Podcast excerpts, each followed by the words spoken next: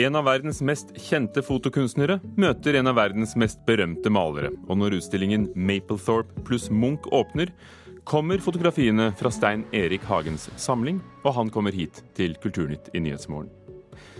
Berlinfilharmonikerne sikrer Røros ubetalelig reklame til 100 millioner seere over hele verden. Og Norge og Danmark feirer Tordenskjold på film 300 år etter, og den kommer på kino denne helgen.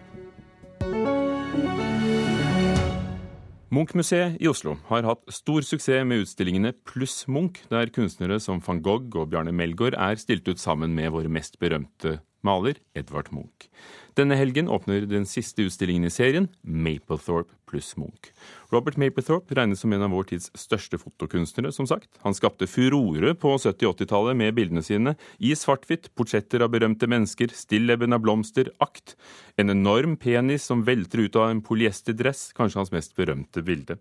Maplethorpe døde i 1989, 42 år gammel, av aids. Stein Erik Hagen, de fleste av bildene kommer fra samlingen din. Hvordan oppdaget du Maplethorpe? Ja, Det er en del år siden hvor jeg fikk en bok av en venn om Robert Maplethorpe. Og jeg ble fascinert av veldig mange av bildene hans. Og så begynte jeg å samle sånn eh, noen nå og noen da, og så har det blitt noen etter hvert. Hvor mange? 260. Og rundt 150 av disse stilles nå ut sammen med Edvard Munch på Munch-museet. Du har vært og sett. Hva syns du det gir deg å se det sammen? Jeg syns det var veldig veldig spennende. Jeg har ikke noe med utvalg av bilder eller noen ting å gjøre. Bare har stilt det til, disposisjon. Men jeg var fascinerende å se. Utgangspunktet så er det få likhetstrekk mellom Munch og Mapletorp, men jeg ble beslått av egentlig at det er mange fellestrekk. I tillegg til at de begge er grensesprengende. Munch var grensesprengende i sin tid, flyttet grenser. Det gjorde også Robert Mapletorp. Så det var ordentlig, ordentlig spennende. Hvordan vil du beskrive Mapletorps bilder? Er så, det er så brede. Det er som du sa innledningsvis, det er, det er stilleben, det er vakre blomsterbilder, det er flotte portretter, det er akt. Mye, mye forskjellig. Det er en veldig bredde. Men han var for meg også en lysets mester, når man ser på hvordan han Og han komponerte utrolige komposisjoner, men hans mellom det sorte og det hvite er han helt unik. På Munch-museet er det en egen skal vi kalle det voksenavdeling. Eh, diskré bak en sort eh, vegg, hvor eh, bilder av SM6 og, den røffe serien hans er stilt ut. Har de vært modige? Jeg syns de har vært veldig modige, men jeg var på åpningen av den store Webtop-utstillingen på Grand Paris i Paris. Det var også et eget voksenrom, men det var jo der det var, der det var tjukt av mennesker. Så vi får se hva som skjer på Munch-museet. Men gir den det er noe i forhold til å se det sammen med Munch. Er det en parallell der, i dine øyne? Jeg, jeg spurte er dere sikre på at ikke Mapletorp har vært inspirert av Munch, har opplevd Munch. Og det svarte formannen i stiftelsen at det skal du ikke se bort fra, for han var ingen litterær person, men han hadde en stor samling av kunstbøker. Men også i disse, skal vi kalle det, sexbildene, selv om det selvfølgelig er mer enn det? Jeg vet ikke, jeg er ikke, noen ekspert på det, men, men, men gå, jeg oppfordrer folk til å gå på Munch-museet, kan man se selv og trekke sine egne slutninger. Du har jo en stor kunstsamling. Både din private og Kanika-samlingen, som du har vist på Munch-museet. Eh, noe skal til Danmark, du har vist det på Nordnorsk kunstmuseum. Denne samlingen, har den vært vist før? Den har vært vist, Det var 20 bilder. Min eldste datter Camilla hadde en endagsutstilling på Fotografiets dag, som jo skapte stor oppmerksomhet av Mira Walder. Og så har jeg lånt ut noen til Morten Krogvold oppe i Kristiansund på hans arrangement der oppe en gang. Men ellers har jeg aldri, aldri vist noe særlig. Det at du gjør det nå, har det noe sammenheng med at du for, for litt siden på Skavlan fortalte at du er bifil? At, at, nå kan du vedkjenne deg også dette store erotiske innholdet, for det, det er jo der også? Ja, det er der. Nei, det har, det har, ikke noe med det for jeg tror jeg har vært, At jeg har hatt denne samlingen, har vært kjent ganske lenge. Så, så, så det, det, det, er det, det er det ikke. Hvilke reaksjoner forventer du deg når folk begynner å, å se utstillingen? Jeg håper folk øh, syns det er spennende. At de ikke bare henger seg opp i noen få enkeltbilder, men at de ser totaliteten. Og at de ser hvilken utrolig dyktig fotograf Robert Mapletop var. Det er jo mye interesse for ham. Som du nevnte, utstilling i Rampalais. Han har vært stilt ut sammen med Michelangelo i Firenze. Det åpner to store utstillinger i Los Angeles ganske snart. Og så har HBO, TV-kanalen, akkurat hatt premiere på en ny dokumentarfilm på Sundance-festivalen. Den skal vises også i Berlin i neste uke. Der er også Edward Maplethorpe med. Det er broren til Robert. Han er også fotokunstner og jobber sammen med Robert i atelier den gangen på 80-tallet. Livet var selve kunstverket og kom foran fotografiene, sier han. Og jeg spurte Edward om hva han syns om dokumentarfilmen, om den gir et riktig bilde av både broren og tiden.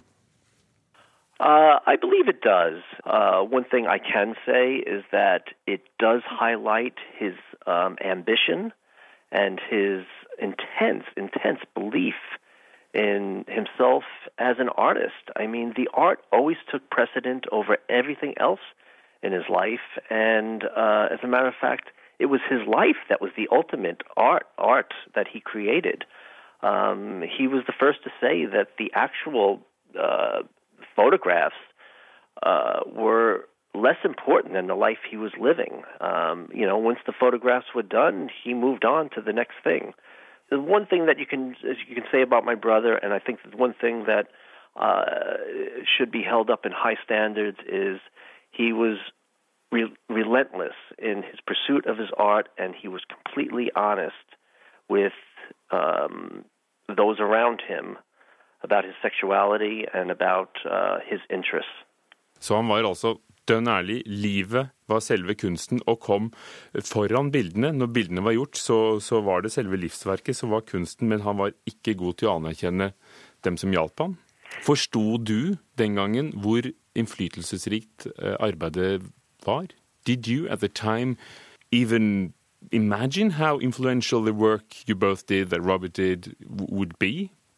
Uh, yes, uh, that's a very good question, Ugo. And the reason I know that is in hindsight, I know while I was in the studio with him during those years, I knew something magical was happening, and I knew something magical had happened previously to my arrival. Uh, I could see it when I looked at a photograph of his. There was something special, something unique, and something different than anybody else had done previously or was doing at that time. Um, and it wasn't complicated, and it was in its simplicity and its precision and its perfection. And there was something in the air. Noe lå i luften, noe magisk skjedde. Stein Erik Hagen, kan du forstå det Edward Mapplethorpe snakker om her? Ja, det forstår jeg veldig godt. Hva er det magiske? Det er vanskelig, å sette, vanskelig å sette ord på. Det er hele, det må bare oppleves. Har du hull i samlingen du leter etter fortsatt? Ja, litt. Noen, noen få. Vi skal være på utkikk. Takk skal du ha, Stein Takk. Erik Hagen. Senere her i Kulturnytt skal vi anmelde utstillingen Mapplethorpe pluss Munch som åpner eh, denne helgen. Og hele dette intervjuet med Edward Mapplethorpe, broren til fotografen, kan du høre på en egen podkast vi skal legge ut.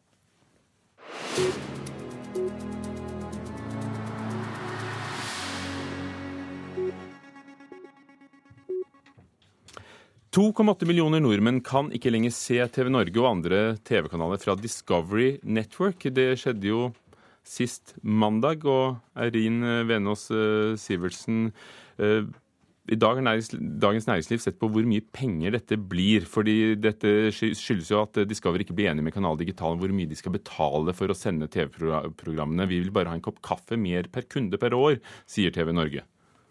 Ja, altså Avisen har tatt på seg oppgaven å finne ut hvordan en kopp kaffe kan bli til flere hundre millioner kroner.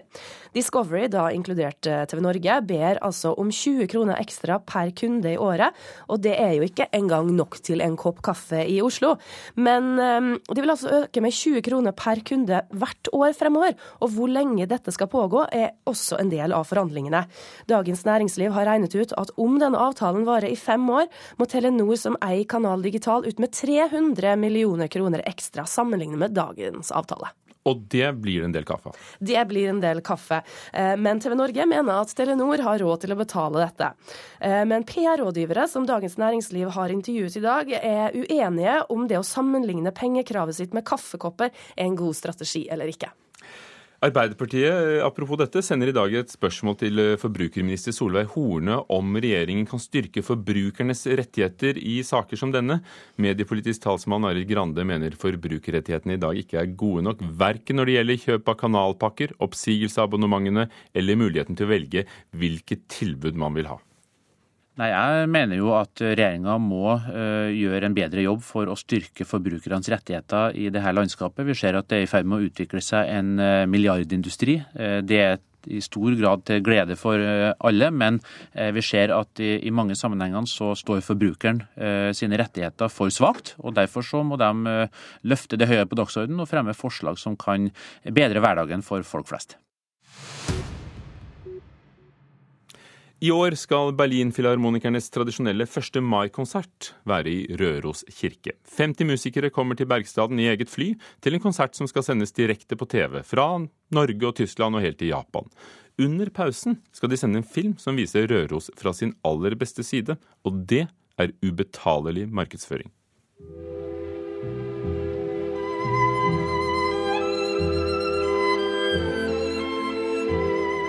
Av verdens fremste orkester, Berlinerfilharmonikerne, skal holde en helt unik konsert under vinterfestspillene i Røros kirke. Og der kan man høre nettopp Mendelssohns fiolinkonsert. Og alle billettene ble revet bort på to minutter. Men konserten vil bli sendt direkte, og når potensielt over 100 millioner seere over hele verden. Norwegen. Ein Land ungeahnter Weite und voller Schönheit.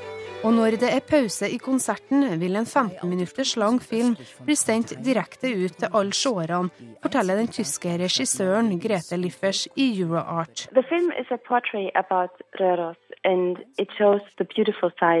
Filmen er et portrett av det vakre stedet Røros og viser mennesker, historie og kultur. Mitt håp er at folk ser hvor vakkert det er der, og at vi får lyst til å besøke fjellbygda, sier Liffers. Røros kommer til å få en oppmerksomhet som de aldri tidligere har hatt. Det sier Ragnhild Stilkose, professor i markedsføring på BI, som er sikker på at denne filmen vil føre til flere besøkende og fullt belegg på hotellene. Altså, det, det seerantallet de treffer her, eh, det ville du ikke ha klart å kjøpe. Det er for store tall. Og dessuten så må man huske på at et sånn herre innslag har større effekt enn kjøpt reklame, fordi det her virker mye mer troverdig. For her er det et annet formål bak.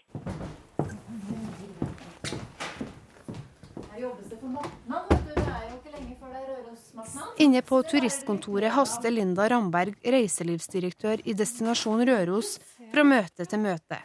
Det er mye som skjer, og nå ruster de opp for å ta imot trøkket som vil komme etter konserten og filmen, spesielt på de engelske nettsidene. Nei, jeg håper jo at det er med å, å øke reiselysten, og at det øker bevisstheten og kunnskapen om, om Røros. At det pirrer eh, reiselysten til å ta turen hit.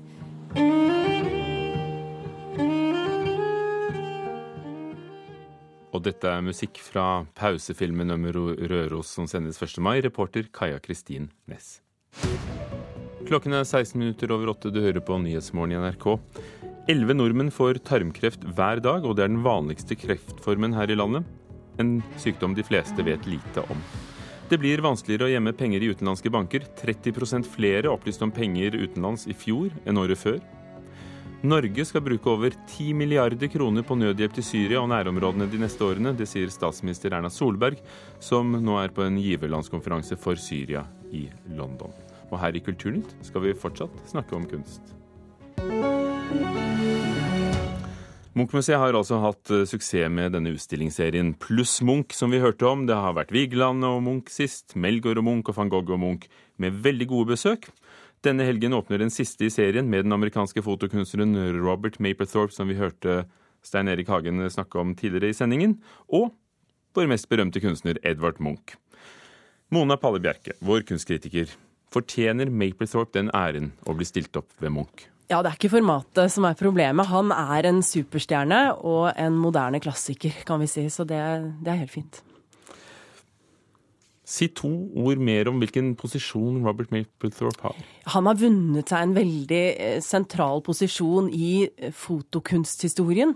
Som en veldig viktig fotokunstner. Han er jo amerikaner og har jo mm, utfoldet seg, nettopp vist hva fotografiet kan være som en formidler av et utsnitt av virkeligheten i dette fantastiske gråspekteret fra kullsort til hvitt. Og mange er jo blitt kjent med ham eh, av de som har lest selvbiografien til Patti Smith, mm. for han hadde et langt forhold til henne. Men hva er forbindelsen mellom Edvard Munch og Mapplethorpe? Og den forbindelsen er rimelig tynn, slik jeg ser det. Eh, man fremhever jo da, Museet fremhever noen veldig generelle fellesnevnere, hvor de sier de er begge opptatt av akt og portretter, og at seksualitet spiller en viktig rolle i begge kunstnerskap. Og dette er så generelle ting at det egentlig ikke danner noen interessante forbindelseslinjer, slik jeg ser det. Det blir litt for, litt for vagt. Men du skrøt jo veldig mye av sammenstillingen Melgaard og Munch. Hva gjorde at den fungerte? Ja, Det er helt annerledes, fordi er, begge er eks ekspresjonister. Altså følelsesdrevne kunstnere. Så der har de en veldig viktig fellesnevner. I tillegg er det jo helt formale ting mellom uh, Munch og Melgaard.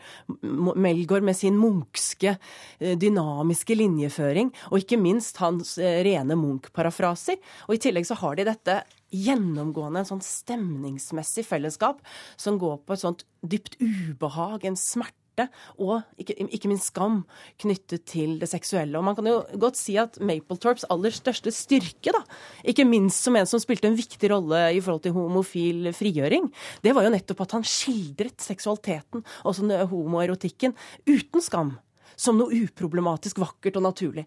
Så er, jeg tenker at han er på en helt annen planet. Ja. Men kan ikke det fungere som kontrast, om ikke parallell? Ja, nei, jeg syns liksom det blir det, da, det, da, kan man stille sammen hva som helst. Det blir veldig veldig tilfeldig. Hvordan har de satt det sammen? Ja, Det er jo to tredjedeler uh, Mapletorp og en tredjedel Munch. Så det er veldig sånn, Jeg føler at det er lite Munch, da. Men, og det er satt litt sånn uh, Ikke akkurat sånn ett bilde av Munch og ett bilde av Mapletorp, men litt sånn uh, her og der.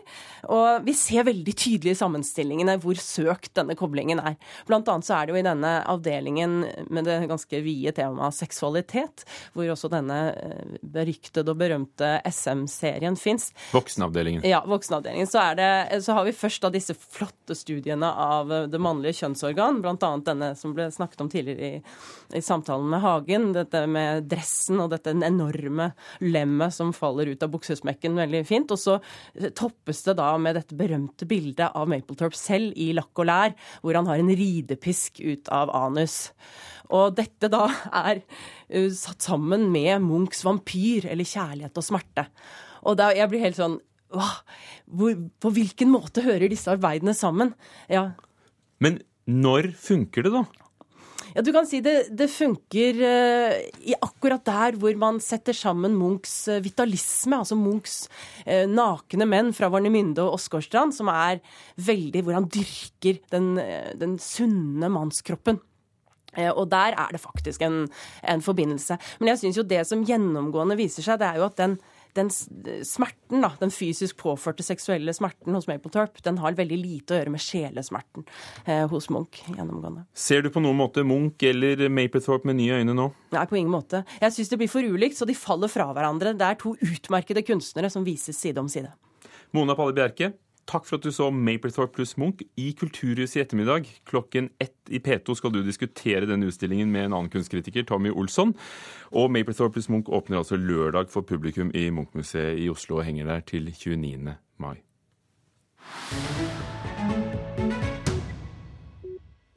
Wikileaks-grunnleggeren Julian Assange sier han vil forlate Ecuadors ambassade i London for å la seg pågripe dersom han ikke får medhold av et FN-panel som vurderer saken hans.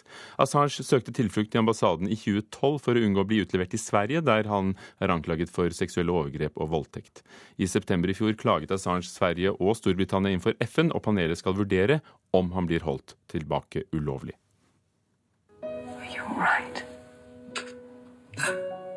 The fact is, I believe that I'm a woman.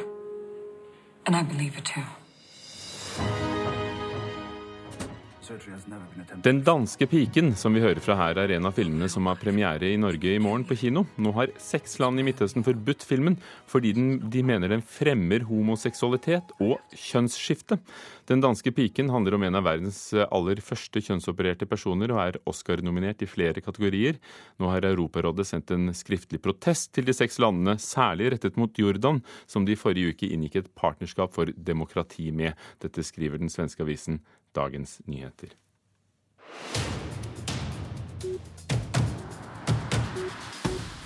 En annen av ukens premierefilmer heter 'Tordenskjold og Koll' og er dansk-norsk, laget etter Erlend Los manuskript, med Jakob Oftebro i tittelrollen som den norske sjøhelten som døde i 1720. Vår anmelder, Einar Gullvåg Staalesen, synes filmen er morsom, men ikke hele tiden. Tordenskjold og Koll er en morsom presentasjon av sjøhelten. Han hadde én sterk fiende, freden. Han tålte ikke fred. Kaptein Bøyer, Ser du her og drikker brennevin midt på den blanke eftermiddag? Det var mer enn ikke hadde godt av, men det verste var at det ikke var utsikt til krig i noen av kongens havområder. Han kunne jo melde seg til tjeneste for den engelske kronen, samtidig med at han nå skulle presenteres for en engelsk adelig frøken. Og han truer med det når han møter danskekongen på Gottenborg slott underveis til frieriet. Det er virkningsfullt å innta en så respektløs holdning til det angivelig respektable, som denne filmen gjør det.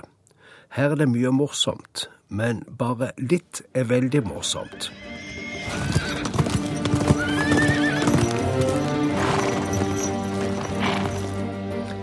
Mye av filmen er en reise sørover for at Tordenskjold skal få seg kvinnfolk. Han er mest fristet til å prøve en svart kvinne, men da ikke for ekteskap.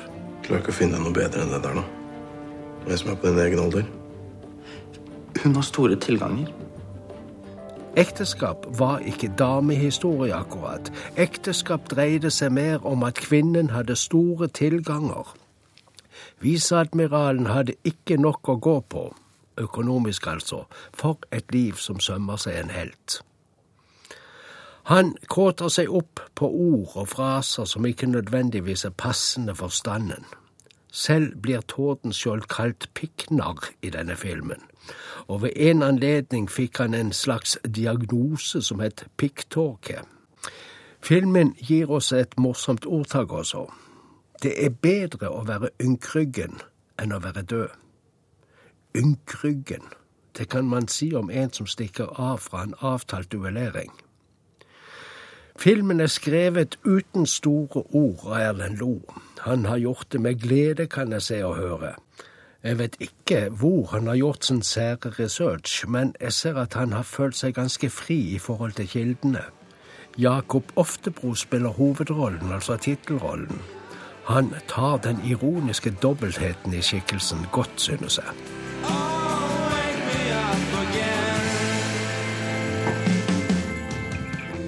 Musikken er hittil uhørt i Tordenskiolds krets. Den funker for oss. Det er grunn greit å supplere vår høystemte norske historie med uskikkelige formuleringer om den krigslystne sjøhelten sa Einar Gullvåg Staalesen om Tordenskjold og Koll, som har kinopremiere i Norge i morgen. Og så minner jeg om at han tar for seg alle premierefilmene i Mørkets opplevelser, alltid på radio nrk.no, eller for den som står opp tidlig klokken eh, seks i P2 fredag morgen. Førstkommende lørdag er det premiere på et uh, ganske enestående teatersamarbeid mellom Sápmi og Guatemala. Det er det samiske nasjonalteatret Beivars som har uh, premiere på forestillingen Vidas Extremas Samisk kultur møter mayakultur og hiphop.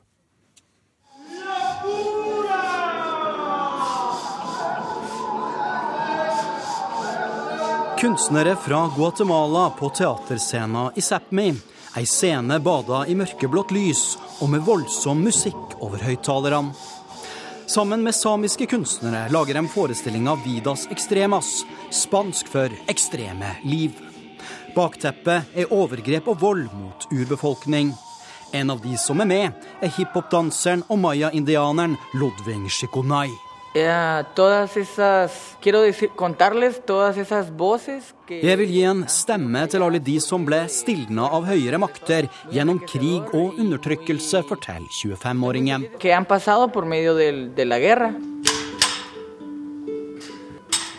En ung mann med gevær fyrer av mot en annen mann som ligger på bakken. Flere tusen mennesker ble drept under borgerkrigen i Guatemala. De aller fleste maya-indianere. Men 20 år etter krigens slutt opplever befolkninga fortsatt vold og overgrep. Uf, este, pues Min bror ble drept, det samme er flere av mine venner. Vold er noe man opplever i Guatemala hver eneste dag, forteller en av de andre hiphopdanserne i forestillinga, Carlos Quintana.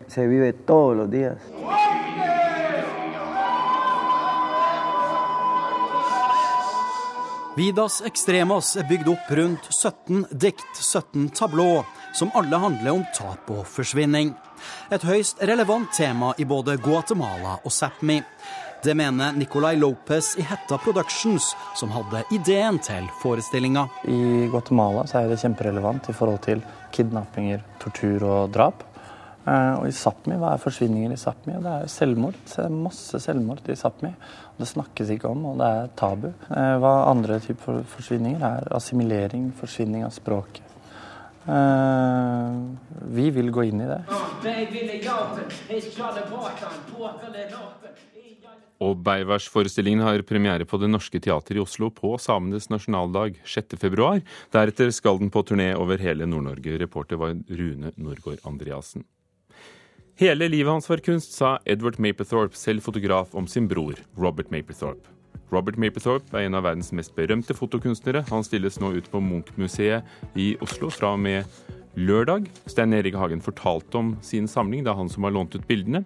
Og vår kunstanmelder sier at hver for seg store kunstnere, men ikke alltid sammenstillingen fungerer. Dette kan du høre om igjen på radio nrk.no, og så legger vi ut en egen podkast med et langt intervju med Edward Mapethorpe som forteller om broren sin. Gjermund Jappé var produsent for Kulturnytt. Ugo Fermariello programleder. Dette er Nyhetsmorgen.